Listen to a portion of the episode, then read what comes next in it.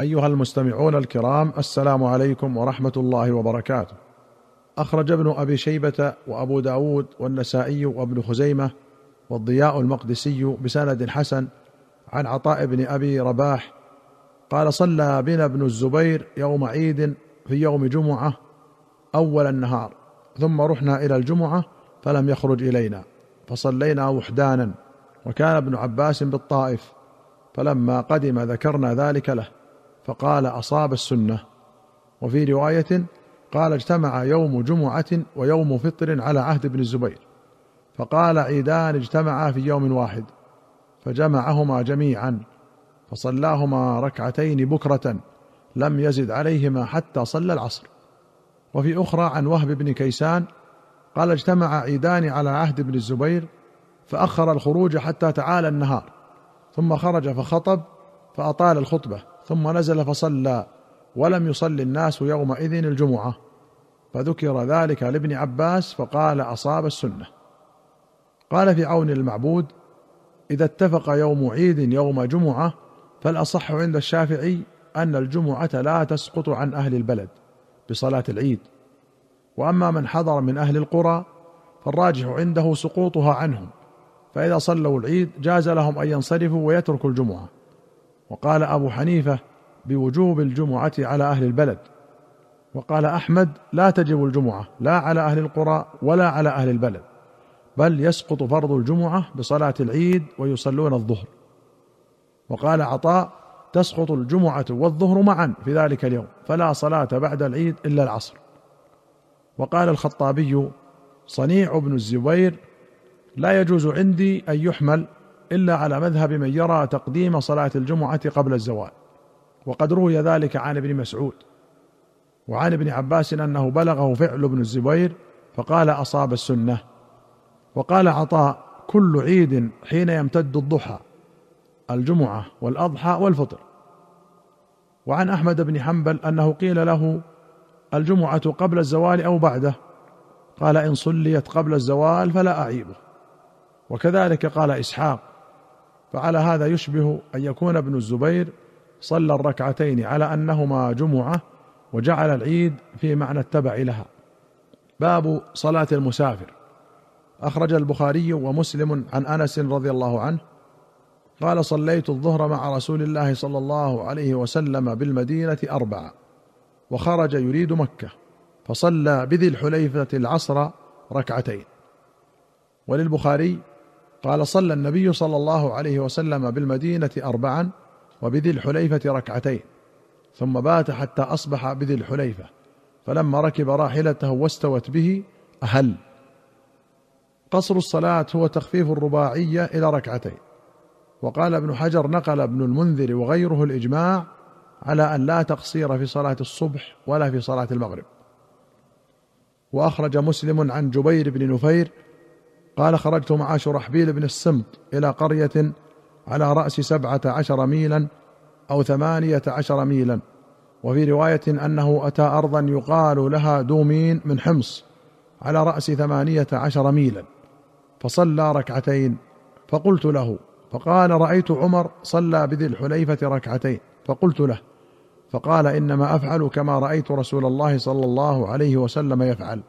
قال النووي قصر شرحبيل على رأس سبعة عشر ميلا أو ثمانية عشر ميلا لا حجة فيه لأنه تابعي فعل شيئا يخالف الجمهور أو يتأول على أنها كانت في أثناء سفره لا أنها غايته وهذا التأويل ظاهر وبه يصح احتجاجه بفعل عمر ونقله ذلك عن النبي صلى الله عليه وسلم.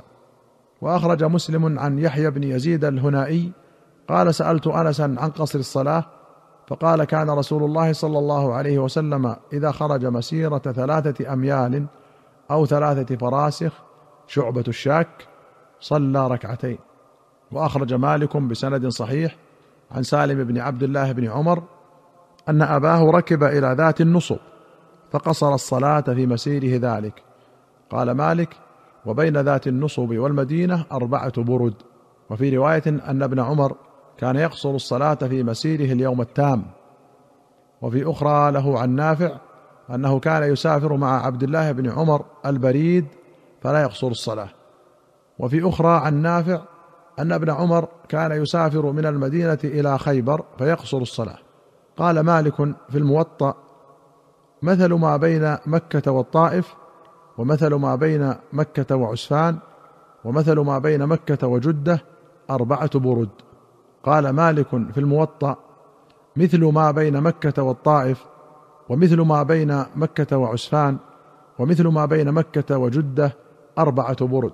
وقال ابن حجر أقل ما قيل في مسافة القصر يوم وليلة وأربعة برد يمكن سيرها في يوم وليلة ولا يتقيد القصر بمسافة بل بمجاوزة البلد.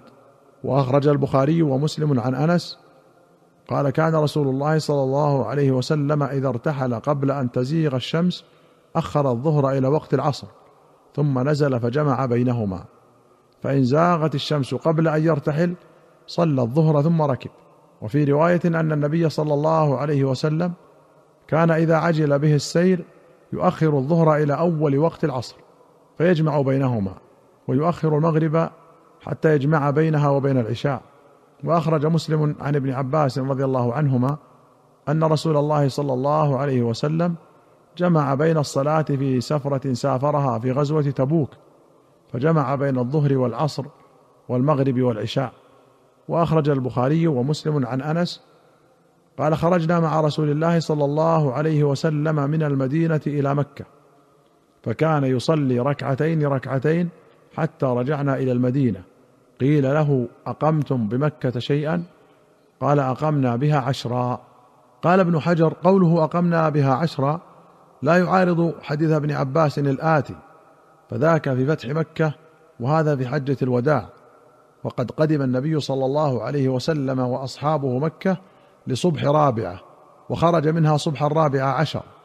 فتكون مدة الإقامة بمكة وضواحيها عشرة أيام بلياليها كما قال أنس. وتكون مدة إقامته بمكة أربعة أيام سواء لأنه خرج منها في اليوم الثامن فصلى الظهر بمنى. ومن ثم قال الشافعي إن المسافر إذا أقام ببلدة قصر أربعة أيام. وقال أحمد إحدى وعشرين صلاة.